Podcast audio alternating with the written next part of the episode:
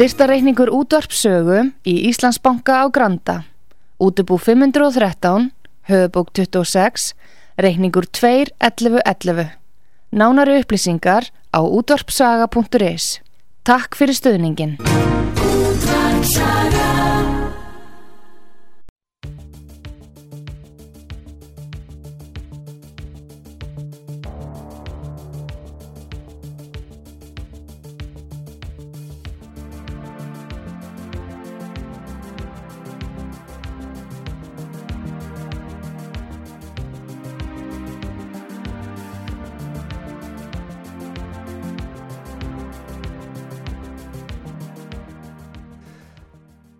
Hlustendur komið sæli, Arnar Þór Jónsson og ég komin hingað ekki sem, sem útvarsmaður en ég starfandi lögmaður og, og með ánægju tek að mér að sitja hér einn klukku tíma í viku og leifa rödd minn að hljóma hér á frjálsum fjölmiðli sem er, sem er dýrmætur í þeirri flóru sem að fjölmiðla sem að við höfum hér á Íslandi og uh, útvarsaga heyrist mér leifa öllum röddum að hljóma sem er vel og holdt fyrir líðræðið.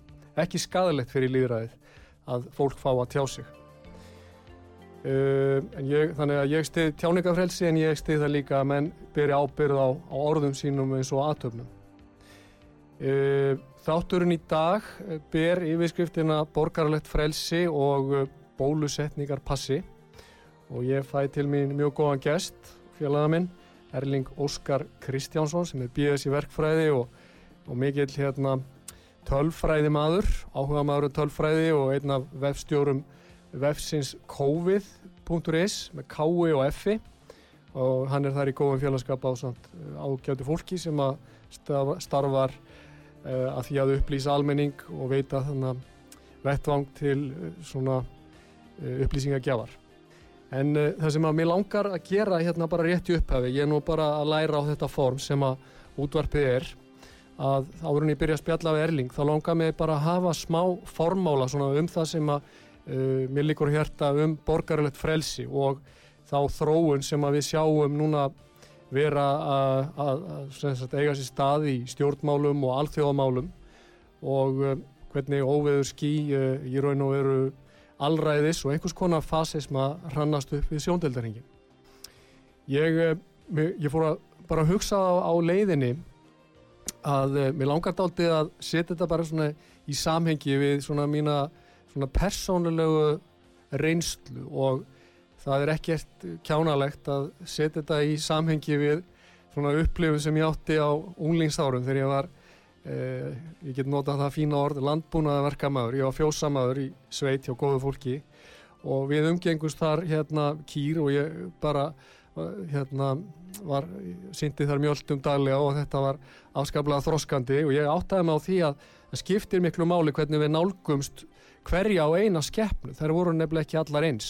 Þær höfðu sinn karakter og það þurfti að fara vel að þeim. Og ég áttaði mig á því að ef að nautgripur ætla sér ekki að fara inn um hlið eða út um að þá eru bara tvær leiðir, það er bara reynd ofbeldi eða reyna að, að höfða til viðkomandi með svona eh, einhverju, einhverju svona með því að blíð hérna, með, með blíðmælgi eða, eða hérna, klappi eða einhverju slíku sko. Ég átti að má því að það var, síðan þetta leiðin var miklu betri og öllum leið betur heldur en að maður fór að berja sko kýtnar og Ég hef svona síðustu árin verið hug, hugleitt það mjög þegar maður horfir upp á ymsar vísbendingar og það að landbúnaður sé að verða meira einhvers konar yðnaður og allt þetta svona mannlega hverfur smá saman e, í bakgrunninn og kýtnar verða númer og ber ekki lengur nafn að þá sé ég á sama tíma vísbendingar um að ímislegt í stjórnmálunum því miður færist í einhvers konar slíkt, nær slíkt, slíku formi þar sem að það er verið að af mennska jafnvel stóra hópa fólks og, og það stefnir í það jafnvel að það er að svifta fólk réttindum og, og rauninni umgangast sko, almenning sem einhvers konar búfjannað og þetta finnst mér afskaplega óþægilegt og niðurlægandi vegna þess að í grunninn þá hlýtur okkar samfélagsgerð og okkar lagahefð og stjórnmálinn að ganga út á það að við virðum uh, hérna dýrmætu sérstöðu sérkvers manns. hérna dýrmætu sérstöðu sérkvers manns og ástæðan fyrir því að mér dætti í huga að nefna þetta með hérna, sveitastörfin mín er að þetta er ákveðin samlíking sem að dugar að vissuleiti en hún er kannski ekkert mjög langt. Vegna þess að það er ákveðin grundvallar munur sem ég vildi leggja áherslu á við ykkur, kæru hlustendur. Grundvallar munur á því hvernig maðurinn lifir sínu lífi og dýrin. Því að maðurinn, hann lifir innra lífi. Hann lifir lífi sínu innan frá og út en dýrin er alltaf í viðbröðstu þau eru á verði, þau eru í vörn og á flóta og þess vegna stýrist líf dýrana utanfrá en líf mannsins á að stjórnast innanfrá. Þannig að þetta skiptir rosalega miklu máli að við sko hvaðan við byrjum og hvaðan við lifum. Og við valla sko viljum sko hengja sjálfsmynd okkar og skilning á tilverunni á það sem að aðrir segja og aðrir er að gera. En það er vissulega hættan núna á okkar tímum þegar við erum með samfélagsmiðla og alls konar félagsþristing þannig að uh, viðfánsefni okkar í dag eins og hefur verið raundar á öllum tímum er að finna okkar einsta kjarna og lifa út frá því sem okkar innri rödd segir okkur á hverjum tíma að sé rétt og, og satt og þetta má kenna við innsægi og þetta má kenna við rödd samviskunar en uh, áskoranarnar eru uh, fjöldamarkar og blasa við víða og það er ekki bara almenningur sem fellur í þessa grifju einhvers konar meðvirkni og, og, og hugmynda um að við verðum að vera uh, líti alltaf svo vel út í, í augum annara og að virði okkar sé einhverju skilningi háð því hvað öðrum finnst um okkur. Og ég nefni þetta vegna þess að það eru, það eru svona teikna á lofti um það að við sko að okkar bara samfélagsgerð, er að segja borgaralegt uh, samfélag sem að verðir mannréttindi og, og eins og ég, seg, ég segja það enn einu sinni, sem verðir dýrmæti sérkvæs einstaklings, sem verðir frjálsan vilja sérkvæs manns, sem verðir rétt okkar yfir okkar eigin líkumum og, og treystir okkur til að taka ábyrgar ákvarðanir, að það eru, það eru svona að, að atvik er að þróast með þeim hætti að það er nú vegið að ákveðnu þjóðfélagshópi og núna á okkar tímum 2021 þá er þetta ekki uh, gýðingar eða, eða, eða, eða yfirstjætt eins og í, í Rúslandi eða mentamenn eins og í Kambodíu heldur núna beinast spjótin að óbólusettu fólki. Og um, það er búið að gera eimsa rástafanir á meginlandi Európu og Ítalíu er búið að stöða þetta fólk frá því að sinna sinni vinnu. Í Hollandi hefur það gerst að það er skotið á mótmælendur og um, maður spyr sig hvort að uh, skýringin á þessum aðgerðum sé einhvers konar ótti stjórnvalda við það að þau missi ja, ásýnd sína og missi tökinn og uh, maður hlýtur líka að spurja sig hvort að, að uh, og svo sá grunur læðist að mér og hann hlýtur að læðast að valdhauðum víða um lönd hvort að raung, einfallega raungstefna hafi verið mörkuð í þessum málum á fyrri stegum og að það sé hugsanlega þá svo erfitt að bakka tilbaka af þessari braut á þess að viðkjanna að það var orðið einhvers svona meiriháttar mistök í, í, í stefnumótun og pólitískri hérna, skoðanamyndun. Uh, nú hérna þannig að við stöndum frammi fyrir því núna að, að það er verið að skella í lás viðaðum heim og, og merki fyrrum dómari Jonathan Sumption skrifaði áhugaverða grein í Telegraf í gær frekar en fyrradag þar sem hann reyfar þessi mál og um, veldir því upp hvort að það sem við áður sáum sem tímaböndnar eh, takmarkanir á borgarlegu frelsi sé núna að raungerast sem einhvers konar varanlegar hérna, við getum kallað þetta bara varanlegar umbreytingar á daglegu lífi. Og, eh, og við séum þá að stefna inn í veruleika þar sem við búum við lokun og opnun og lokun og opnun án þess að við sjáum fyrir endan á þessu ferli.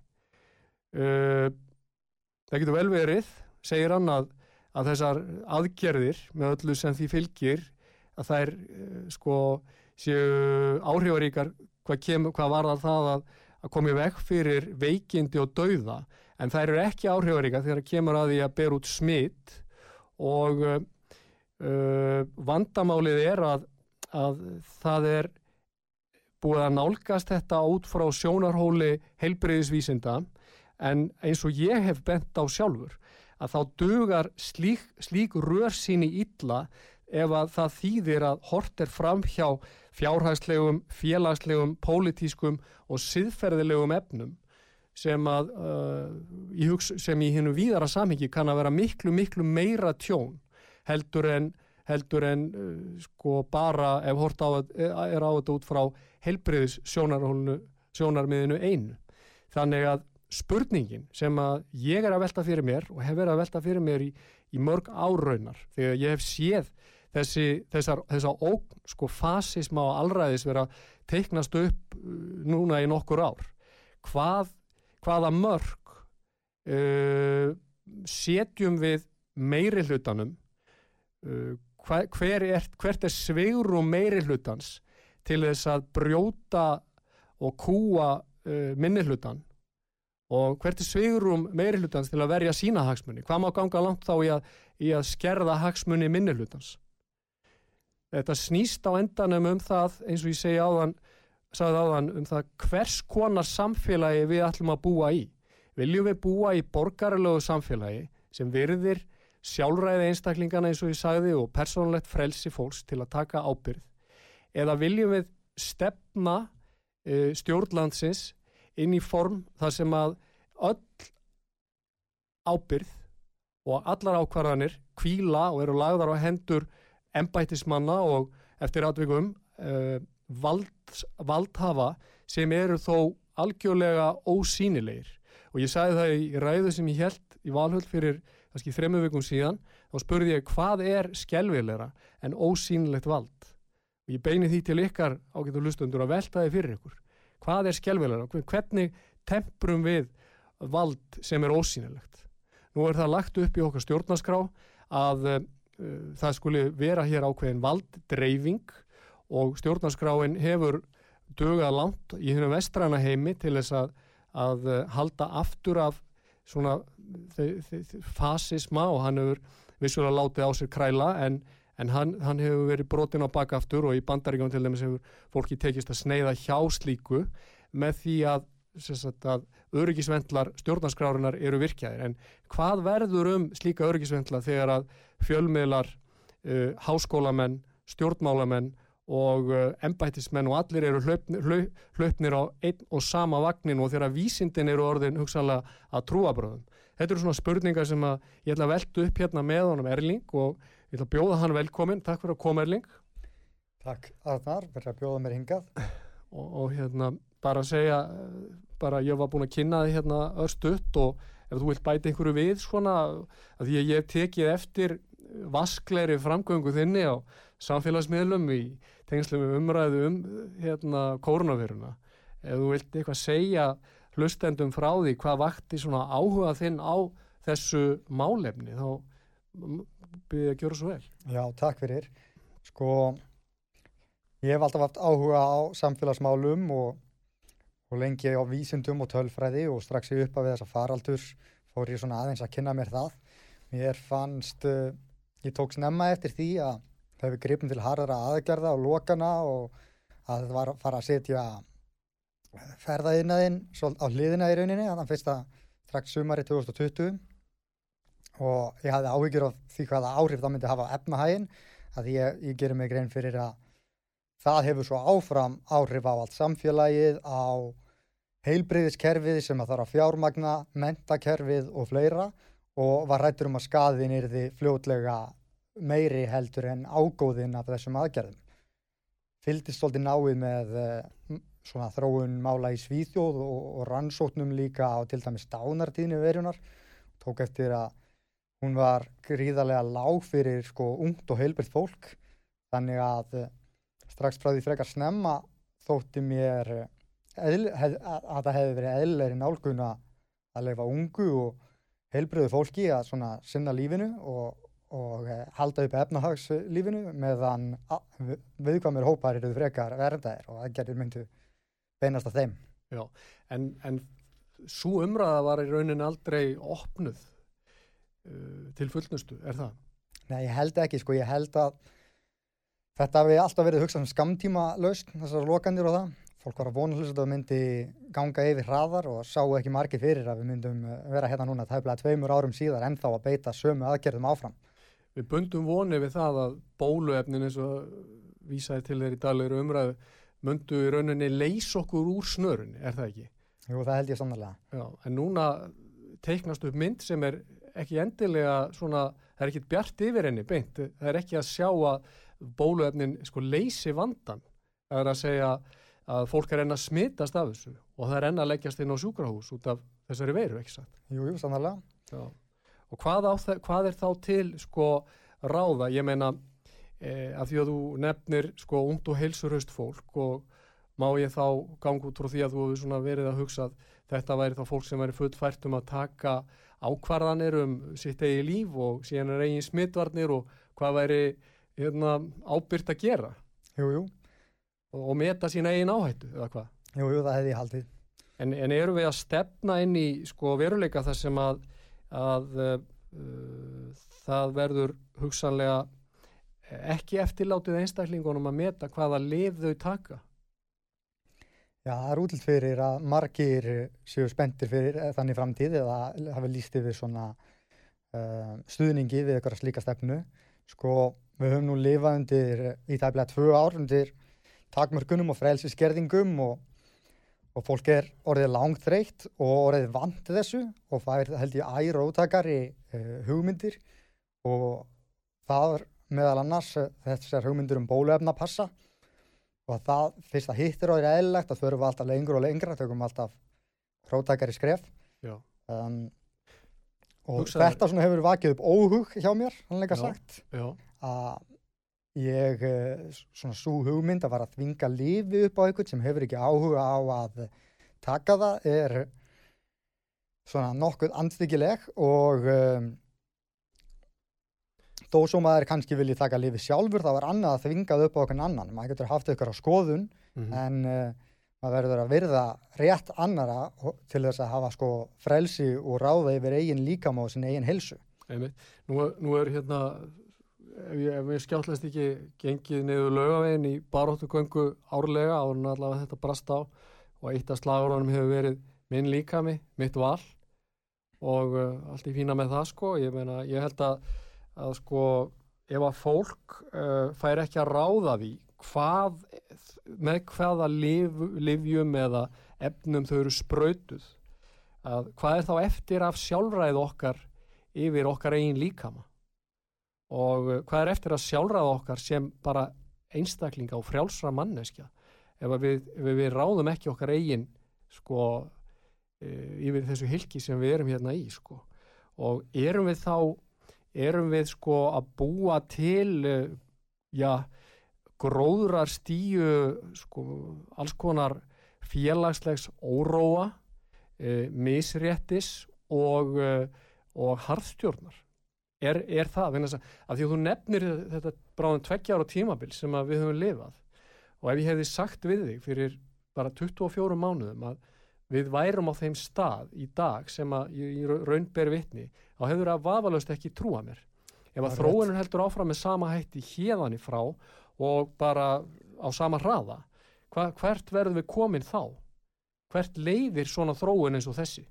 Þegar að ríkisvaldið og sérfræðingar vilja bera okkur ráðum og segja við veitum betur en þú hvað þér er fyrir bestu. Einmitt, maður spyr sig að þessu hvert þetta leiðir og, og hvernig þetta verður til frambúðar sko. Uh, ef að svona bóluefna passar eru teknir upp og svo er þið kannski þörf á fjórða örfunarskamti og fymta verður þá munur passanir renna út verður þetta, verður fólk sett í áskrift af bóluefnum og 6 eða 12 mánuða fresti gegn í rauninni sínum vilja bara til þess að geta tekið þátt í samfélaginu annars verður þau mismunna gegn þeim eða þau útskúfuð úr samfélaginu. Þetta er svona þokkalega óhugnanleg tilugsun maður sko ég þekki nú fólk sem að kýsa að lifa livjalauðsu lífi vegna þess að það hefur bara slæma reynslu af livjum mm, þar með þalið frá livjafyrirtækjum og uh, tilhugsunum við að bara þvinga lifi upp á slíka mannesku er náttúrulega bara út úr kú.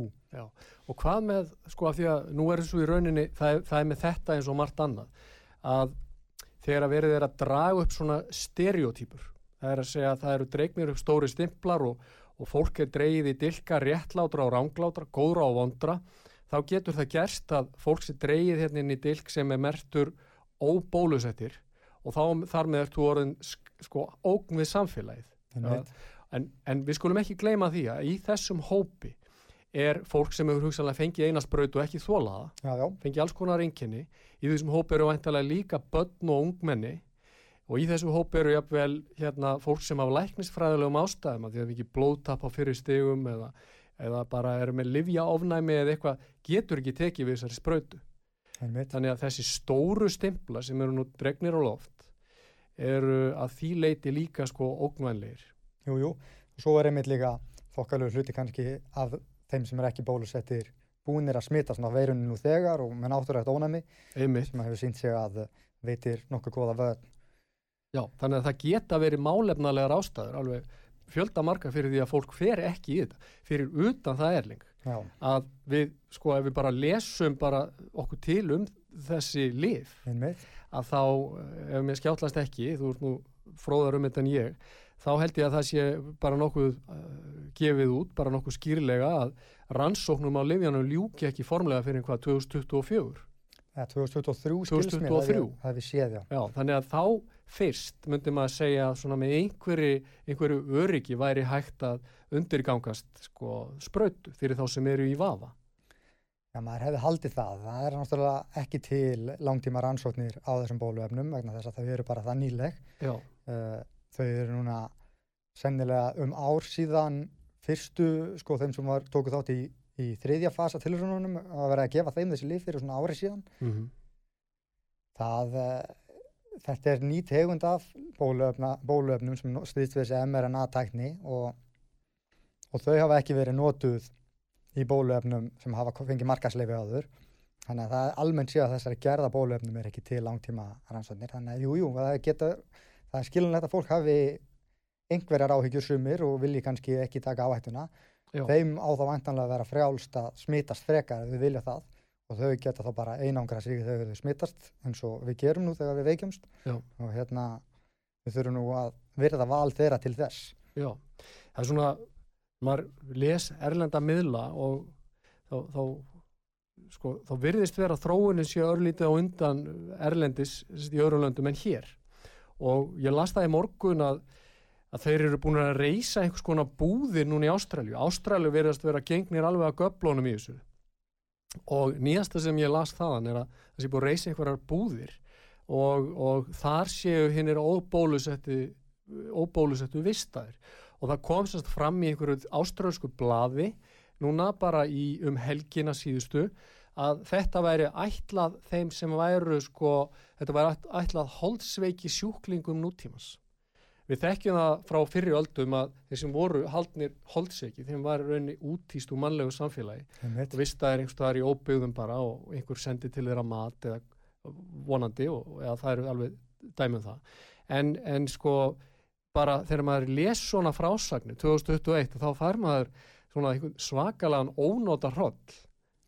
Sannarlega, Já, ég hef ekki lesað þetta sjálfur en ég heyri nú Kára Stefánsson í viðtali stingu upp á því að, að það hægt að finna óbólusetta og koma þeim fyrir einhver staðar þar sem þeim eru því óhullt já, og þetta er svona svipuð pæling og hugsun. já, en við þurfum þá kannski að fara í gegnum svona þessa, sko, gegnum þá hugsun og, og þá umræðu eh, hvaða hætta raunverulega stafar af þeim sem eru óbólusettir og það er svo skrítið og áður en að ég svona, förum aðeins út í það bara að nú hefði maður haldið og þú ert nú verkfræðing eða þú ert búin að læra verkfræðing með BS í verkfræði mm Mm, einmitt. að sko þú ert búin að sjá það að hinn vísendalega aðferð byggir á gaggríninni umræðu. Og, og, og evasemdum og, og, og, og þannig með evanum að þá færust við nær og nær einhverjum svörum. Já, og það eru alveg fjöldamörg dæmi, við þurfum ekkert að reyfa þau hér um það að eitthvað sem hefur verið algjörlega viðtekið hefur síðan verið felt að stallinum. Sannlega. Það er ekki, út af því að einn maður lefði sér að evast og setti fram nýja kenningu eða vogaði sér að fara út í að skoða hlutina. Já, já. Þannig að sko e, þegar menn setja fram svona afdráttalösa lýsingu eins og káriblasaður í, í þessu viðtali Einmitt. að þá skulum við leif okkur hér að sko ræða aðeins um staðrendi málsins og hvernig blasir þetta við þér svona út frá smitt, tölum og, og þessari samfélagslegu hættu sem sömu vilji meina stafi af óbólusettu fólki. Einmitt. Við skulum ræða það einmitt svolítið hvaða fórsendu fólk gefur sér varandi óbólusetta og varandi þess að bóluefna passa eða bólusetninga passa. Sko, fólk, margir virðast halda að óbólusettir drífi smita áfram, haldi þeim á lofti, að þeir séu líklegri til að smitast, líklegri til að smita aðra og einni verið fólk eh, sko halda að hérna óbólusettir valdi miklu álægi á heilbriðiskerfið og séu byrði fyrir það. Um, þessi síðara nefnda er kannski gögnin stiða við það en uh, varðandi smitin þá eru þið ekki jafn skýr og jafn augljós. Hérna, sko til þess að, að uh, gang, að vita hversu mikið eða hvort að, hérna, bólu, að bóluefni verndi gegn smiti þá þarf að framkvæma svo kallar slembifalsrannsókn þar sem fólk er sem sagt valið af handahófi í tvo hópa. Helmingurinn er bólusettur og hinn helmingurinn er sprautaður með livleysu og það þarf að fylgjast með þessum hópum í lengri tíma og þyrst í rauninni að skima þau vikulega eða svo til þess að koma staði í hvort að, að bólefni veiti líka vörd gegn einkennalösu smiti. Málið er að rannsóknar sem að lifja fyrirtækinu gerðu skimuðu bara fólk sem að síndi einkenni. Og að því að höfuð markmið bólefnana var að vernda gegn veikindum sem við verðum standarlega að gera. En það er ekki jafn augljóst að við vendi vel gegn smiti. Það eru rannsóknir og þau gögn sem við höfum varðandi vörð gegn smiti það er byggt á sko gögnum úr skimun og áhorfsrannsóknum utan úr heimi þar áhorfsrannsóknir eru uh, það gefa sko vísbendingar eða sönnagögn af lagri gæra það staðli heldur en svona slempifalsrannsóknir og ef við ætlum að fara að uh, mismuna fólki eftir því hvað þessi bólusett útskúfað á samfélaginu að taka upp einhvers konar að, uh, hérna, aðskilnaðarstefnu í nefni líðhilsu myndum við nú kannski vilja ganga fyrst úr skugga um að forsendur okkar séu réttar Nókvæmlega. til dæmis um uh, smitin og einsvarðandi álægið á spítalana og svo mætti ræða það líka hvort að það sé kannski til betri lausna vandamálinu önnur heldur en að fara að útskúfa fólki úr samfélaginu. Flott. Við skulum hérna taka smá hlénunæling og uh, höldum síðan á, áfram eftir auðlýsingar áfram á þessum sömu nótum. Takk fyrir í bíli. Takk.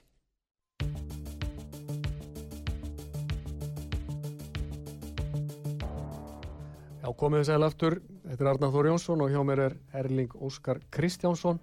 BSC verkfræði og við erum að ræða um bóluefnapassan og ýmislegt sem lítur að, að uh, þessum efnum, uh, bólusetningum og öðru slíku. Og það skal tekið fram hérna ára lengra haldið að hvorki ég en ég Erling erum einhverjir bólu, erum einhverjir andstæðingar bóluefna.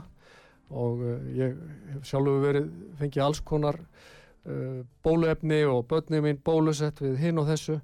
Og það er, við gerum ekki ágreiningu það að þessi nýju bóluefni veiti ákveðna vörn en við verðum að horfast í augu það held ég að þeir, sem eru bólusettir lenda líka á sjúkrahúsi og inn á milli og, og þeir uh, fá þessa veiru og þeir geta smitað hana áfram og, og hérna, þeir geta dáið úr þessari veiru í einhverjum tilveikum. En það er líka annað sem er svona umhugsunarefni og það er þessi vaksandi fjöldi fólks sem að kemur fram og, og bendir á að það hefur orðið fyrir aukaverkunum og innlögnum á sjúkrahús hér á landi og annar staðar hefur fjölgað og uh, ég sá í gæri töluna eitthvað í kringum 150 innlagnir á Íslandi vegna bóluefna. Það er rétt að Lífjastofnun hefur byrkt þetta. Já. Þannig að sko það er mikilvægt að, að samhengi hlutana komi fram skalum við ekki halda illa haga að þetta eru þá 150 innlagnir í kjölfar bólusetningar og ekki endilega sínt fram á orsakatengst en einhverjum tilfellum kann það sannlega vera. nákvæmlega. Hvað er margir, svo fylgdi það með í upplýsingunum hversu margir hafa lagst inn á sjúkurhús út af koronavirunni. Og það koronaveirunni, já, Já. það held ég sé eitthvað um 500. Á er það ekki, 500. Jú, Þannig að þetta er svona umhugsun að verða tölur. einmitt. En við vorum þegar áður en að auðlýsingar hliði brast á þá vorum við að tala um dreifingu veirunar, ekki satt. einmitt. Þannig að ég ætla nú að gefa boltan aftur á því að ling og lefa þér að rekja hann upp hérna hægri kantinn og þrjum honum í markið. Sko við vorum að tala um það hvort að bóluefnin veiti vörn gegn smiti, það er þá innkennalausu smiti og að rannsóknar sem voru gerðar á, á lífjónum sko upprunulega hafi aðalega verið að fylgjast með vörn gegn smiti með innkennum. Þannig að þetta eru tveir mismændi hlutir. Vörn gegn smiti með innkennum og alvarlegum veikindum virðist vera nokkuð góð en það þýðir ekki endilega að vörnin gegn smiti innkennalausu sé jafn góð. Uh, sko þeir sem hafa verið að tala fyrir bóluefnapössum tala oft um að óbólusettir séu þrefall líklegri til að smitast og verið það kannski byggja það á einhverjum gögnum, af einhverju tilteknu tímabili hér á Íslandi uh, úr uh, skimunum. Gögn sem að innihalda mikinn bjaga að geta gert það.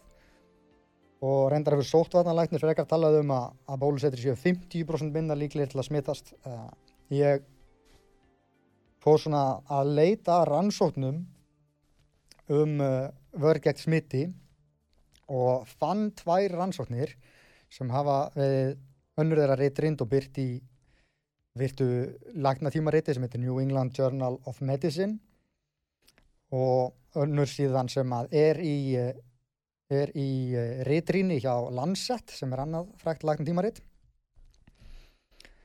og báðar eru sko að sína fram á að að fyrsta lagi þær eru að vinna, þetta eru áhorfsrannsóknir og þær vinna með gögn úr skimunum. Og svona gögn úr skimun geta inni haldið bjaga því að það er ímislegt sem hefur áhrif á það hvort að manniska fari í skimun. Til dæmis ef þú ert með innkenni ertu líklegir til að fara í skimun. Þannig ef að bóluefnin veit, vernda gegn innkennum þá eru bólusettir kannski minna líklegir til þess að fara í skimun heldur en óbólusettir Það er finna minna fyrir því að þeir eru mögulega með veiruna. innmitt Já. og uh, Þannig að þeir geta verið þá bara svona einhverju superdreifarar.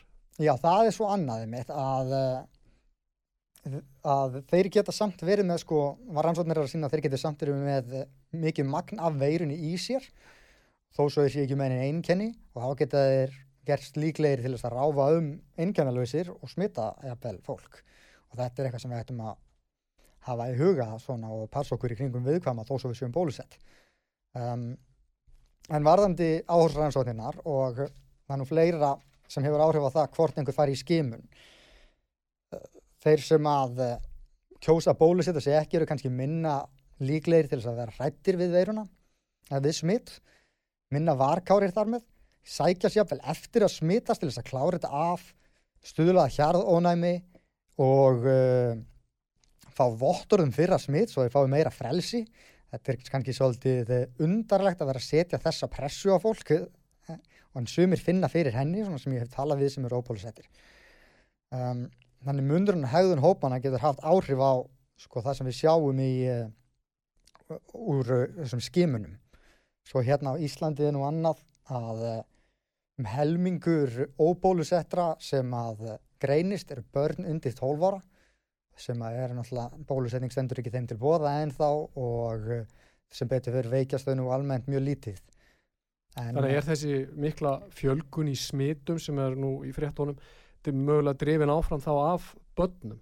að miklu leiti virðist vera sko. Hverju kemur þetta ekki fram í fréttum af þessu?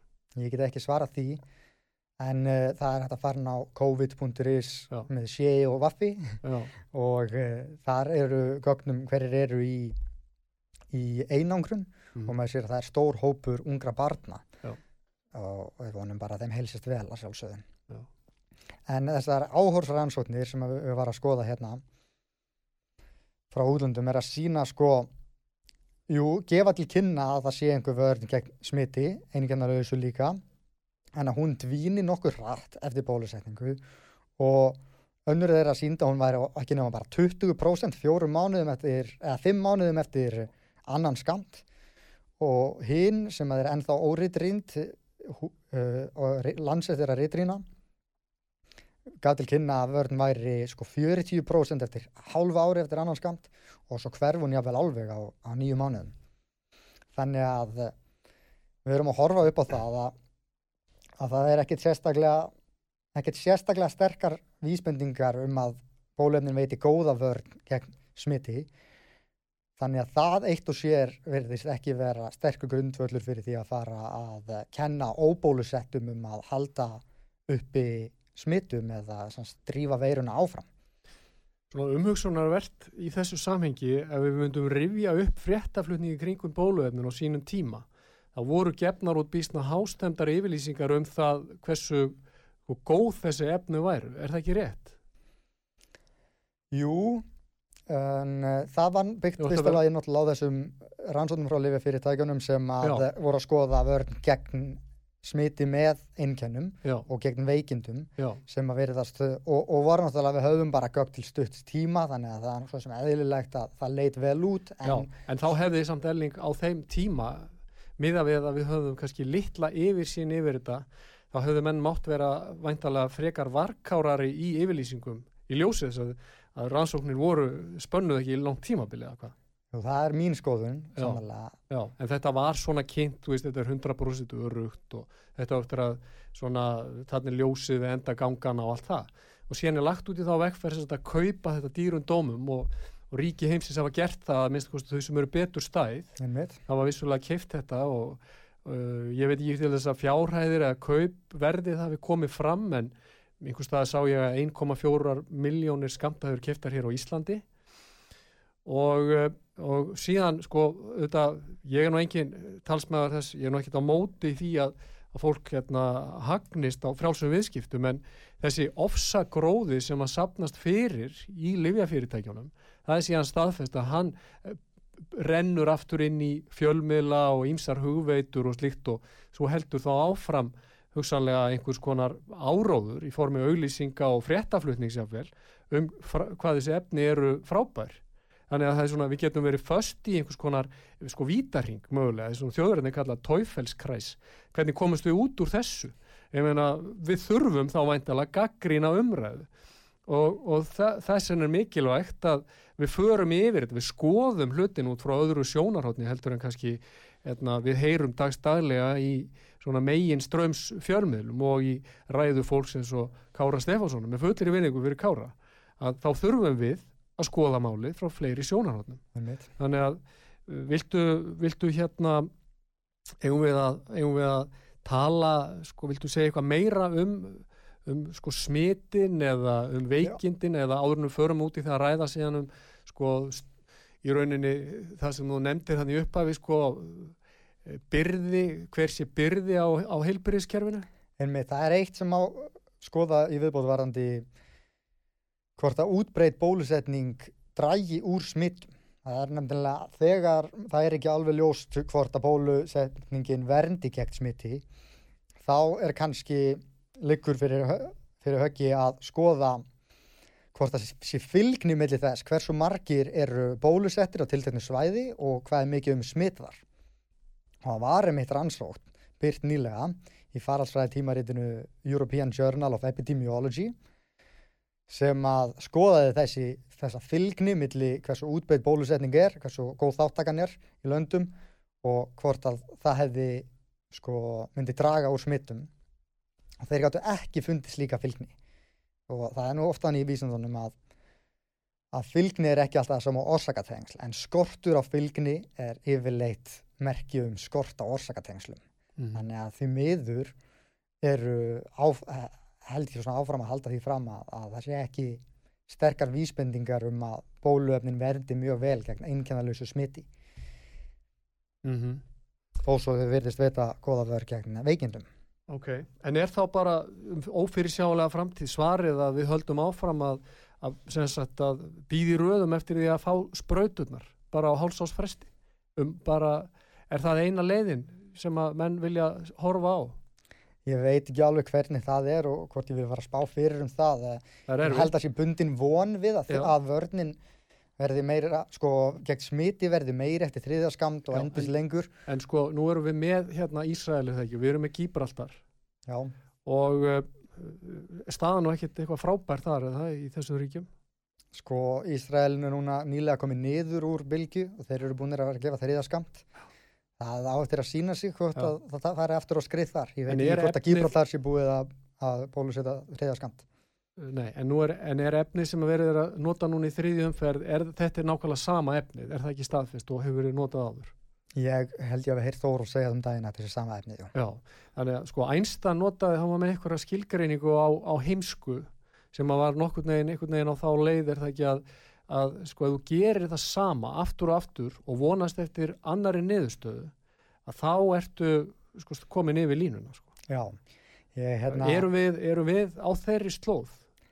ég þór ekki að segja til um það alveg strax að leifa Þór að njóta vafans uh, og hann bindir vonir við að þetta örnin verði meiri og fólki er að sjálfsögðu velkomið að, að prófa ef að þeir sem, að, þeir sem vilja það Já. taka þátt í því en Já. ég myndi ekki vilja þvinga fólk út í það fyrir en að fyrir en að betri gögn liggja fyrir og, og við getum verið vissum að þetta sé leiðin út úr ástandinu já, það hafa verið lagðar til aðrar sko hugmyndir Einmitt. og komið fram í, form, í því formi sko að sé staðin vörður um þá sem eru raunverulega sko í, í veikri stöðu, Mhm. mjög aldra fólk og mjög veikt fólk og, og kostnaðar af slíkri umhyggju fyrir þessum þjófélagsópum eru því væntalega hverfandi í samanbyrðu við það tjón sem að leitt hefur af þessu nú þegar og mun fyrir síðan alltaf áfram að verða. sannarlega En það hefur ekki mátt ræða það eða hvað? Nei, ég hef ekki verið mikið var við slíka umræði hérna heima. Mér finnst það hafa verið kæfð svolítið. Það hefur verið Já. sagt bara að það sé ómögulegt að, að vernda viðkvæma hópa. Já. Uh, mögulega vegna þess að svíjum gekk illa með það í upphafi en, en uh, voru náttúrulega ekki kannski tilbúnir í það strax í upphafi faraldursins. Já, ég held að sko va- vandamáli með Svíþjóð var að þeir voru allt í hennu með miljónir sennilega mörgundur, allavega sko einhverju tugi þúsunda manna komna frá olbónum út um allt í Svíþjóð þegar þetta uppgötaðist. Já, það má vera. Já, það var það sem ég heyrði sko. Einmitt. En uh, sko við, við þetta stöndum, stöndum frammi fyrir því að við þurfum samt að fara að sjá ykkur, ykkur fyrir endan á þessu uh, það eru vísbendingar um það að, grunnstóðir í okkar samfélagi þóliði þetta ekkit mikið lengur. Þá er ég að tala um bara litlu fyrirtækin og meðalstóru fyrirtækin og, uh, og vall er, það markmið að þau bara rinji fara í þrótt. Við ætlum ekki að, ekki að vera öll á einhverjum bótum vonandi Vonandi ekki. Þannig að við erum að komast nær einhverjum svona krítiskum tímapunkti Einmitt. og við þurfum tillögur, við þurfum, við þurfum uh, svona ferska hugsun Já, já. og Sko, það má sjá það af Svíþjóð að það, er ekki, það hefur ekki verið neinu svona bylgja af smittum þar síðan í mæ, í Mhm. hálft ára núna meðan við höfum haft tvær bylgjur hér og uh, flest svona vesturlönd hafa einmitt farið í gegnum tvær bylgjur á sama tímabili. Þannig að það er spurning. Ég held að þú er enginn að lýsa því yfir að þeir séu komni með eitthvað hjarðónæmi eða svona yfir þannig hjarðónæmis þröskuld og að veiran sé þá í rauninni orðin landlag og hægt, hægt að valda þeim vandræðum en ég held að komi í ljós á næstu vikum og mánuðum hvort að þeir séu raunverulega búin að ná því og þá væntanlega með sinni strategíu um að leifa fólki að smittast, ungu og hraustu fólki sérstaklega, mm blanda saman sjálfsögðu við bóluefni og sérstaklega bólusetningu við hvernig að hópa og, og þeir eru sjálfsagt að gefa þeim líka þriða skamt, hérna, það er sér, sérst viðkvæmi hópunum Já. sérstaklega. sannarlega. Hérna, en varandi að því að nú eru tímyndur eftir af þættinum, að svona aðeins um það sem að þú nefndir hann upphafi sko, um það hver, er, hver á að teljast vera byrði á kerfin Einmitt. sko, þessu verið haldið fram er það ekki varandi þá sem eru óbólusettir. En uh, sko maður velti fyrir sér uh, í hlutfalli ef að það eru á hverjum tíma síndist mér einhverjir átta mögulega inn á gjörgjæslu og við gefum okkur að færri ábel, annars og, og jafnvel færri. Og segjum bara að, að fimm af þeim séu þá óbólusettir í hlutfalli við allt annað sko álag á, á heilbriðiskerfinu þá er þetta væntalega vegur þetta ekki mjög þungt. Og það eru væntalega aðrir hópar hann inni sem uh, þjást á alls konar lífstíls sjúkdómum myndum maður halda, ég menna það er offita og reykingar og, og jafnvel uh, sko fleiri lífstílsjúkdómar sem að eru að buga kerfið. Mér er, mér er tjáð að við séum feitast á OSC þjóð, þjóðin hérna, í heimi í því, í því mengi, feitasta þjóðin. í því mengi held ég, já, Já, sko þetta er einmitt, þessi rökum að bólusettir séu byrði á helbreyðiskerfið eru dálítið undarlegt ekki mér, jú, jú það er vissulega útlitt fyrir að bólusetning veiti vörn gegn innlögnum þannig að bólusettir séu minna líklegir til að leggjast inn. En þetta er til dæla lítið hlutfall þjóðarinnar sem er ekki bólusettur. 8% fullorðina eða 24.000 manns. Það er aðveru 16.000 undir 40 sko, fullorðinir á bylunu það 18 til, til 40 ára. Og margir að þessu fólki, mikið af þessu fólki er sennilega búið að fá veiruna nú þegar. Þannig að jújú jú, þetta fólki ef það er því allt bólusett þá myndum við kann, kannski komið veg fyrir nokkra enninnlagnir á næstum mánuðum. En uh, það er spurning hvort við viljum fara að þvinga þessu upp á þau og taka upp eitthvað aðskilnaða stefni til þess að komið veg fyrir eitthvað nokkra innlagnir á spítalan sem að tekur inn þúsund innlagnir, um, þúsundir innlagna á ári. Já sko, hvort að rót vandan sé ekki önnur. Já. að helbreyðiskerfið geti sint sjúklingum í annan landinu og fólk hafi þá rétt á því að vera ekki bólusett rétt eins og fólk hefur rétt á að, að haga sér á tildekinn máta sem getur ollið sjúkdómum eða, eða slísum sem að og það fólk fari nú samt sko, það er ekki talað um að það sé neinn byrði á helbreyðiskerfið Já, sko af því að við, ég, þetta tengist í sem ég var að tala um í upphafi sko, hversu langt má ganga til að brjóta á einstaklingnum? Hversu langt má ganga til þess að neppa fólk í varðhald eða, eða jafnvel uh, skada hilsu þess eða jafnvel myrða fólk eins og gert er í allræðisíkjum í nafni sko félagsheildarinnar vegna þess að allræðisstjórnir byggja allt sitt á umhugsunum hópin en frjálssamfélög á Vesturlandum hafa miða við það að grunneiningin sé einstaklingurinn. Einmitt. Þannig að sko ef við ætlum að fara að stíga það skref að, að svifta fólk sjálfræði við sínum eigin líkama í nafni þá heildarinnar eða hópsins að þá, ef, þá he, hefur verið sko farið yfir ákveðna línu sem erfitt gæti verið að, stíga tilbaka frá. Já, og, og þannig að þannig er, þannig er ákveðin og bara augljós hætta sem að því miður ímis ríki hafa orðið það hafa fallið fyrir og mér sýnist því miður vísbendingar um að ótrúlegustu ríki sé að falla fyrir í dag. Já, það er útið fyrir það því miður. Og það má nú kannski nefna það nú er talað um að flensa og RS veira verði verri sko vegna þess að við höfum ekki smitast af því jafn mikið í fyrra. Og mögulega verður að svipað í vetur vegna samkomi takmarkana og þessara sótarnar aðgerða mm -hmm. og ef við förum að taka upp svona COVID-passa hvað bætist í hann, verður þetta bara verður þetta bólusetningarpassi til komandi ára, bætist það inn kannski flensusbröða líka og verður að bólusetja við flensu að því að það fer að valda meira álægi til því sem að Já. við smitum minna því og það verður minna ónami í samfélaginu Já. þannig að það er alveg spurning hvort að við festum okkur í þessu og við förum að taka eitthvað svona lagað upp Já, akkurat en svo ættum við kannski rétt að skoða hvort Já. að bólusetninga passar skili árangri Já, endilega að því að e- ef við ættum nú á annar borð að taka upp svona passa og við gefum okkur þær fórsendur sem að ég er ekki endilega sannfærður um og ég held að það væri betri lausn að, að ebla heilbreyðskerfið heldur en að það er að kenna þeim um að vera byrði á það Sammála og í verstafalli ætti nú að hérna bjóða þeim upp á engaregna, að, að nota engaregna heilbreyðistjónustu, bjóða engaregnum heilbreyðisfyrirtækjum að, að sinna COVID-síktum uh, óbólusettum einstaklingum frekar en að fara að útskúfa það á samfélaginu. mm -hmm. En uh, ef við gefum okkur að, að þeir séu vandamálið og þá myndum við nú fyrst vilja spura okkur að hvort að bóluefna passar raunverulega virki og skili þessum tilsetta árangri. Og það eru, mér sýnist vera lítið af vísendalegum sko, vísmendingum um að þeir hjálpi nefnilega mjög mikið. Um, við sjáum að að þau lönd sem að hafa verið að nota þessa bólusetningapassa eru ekkert endilega með eitthvað hærra hlutfall bólusettra.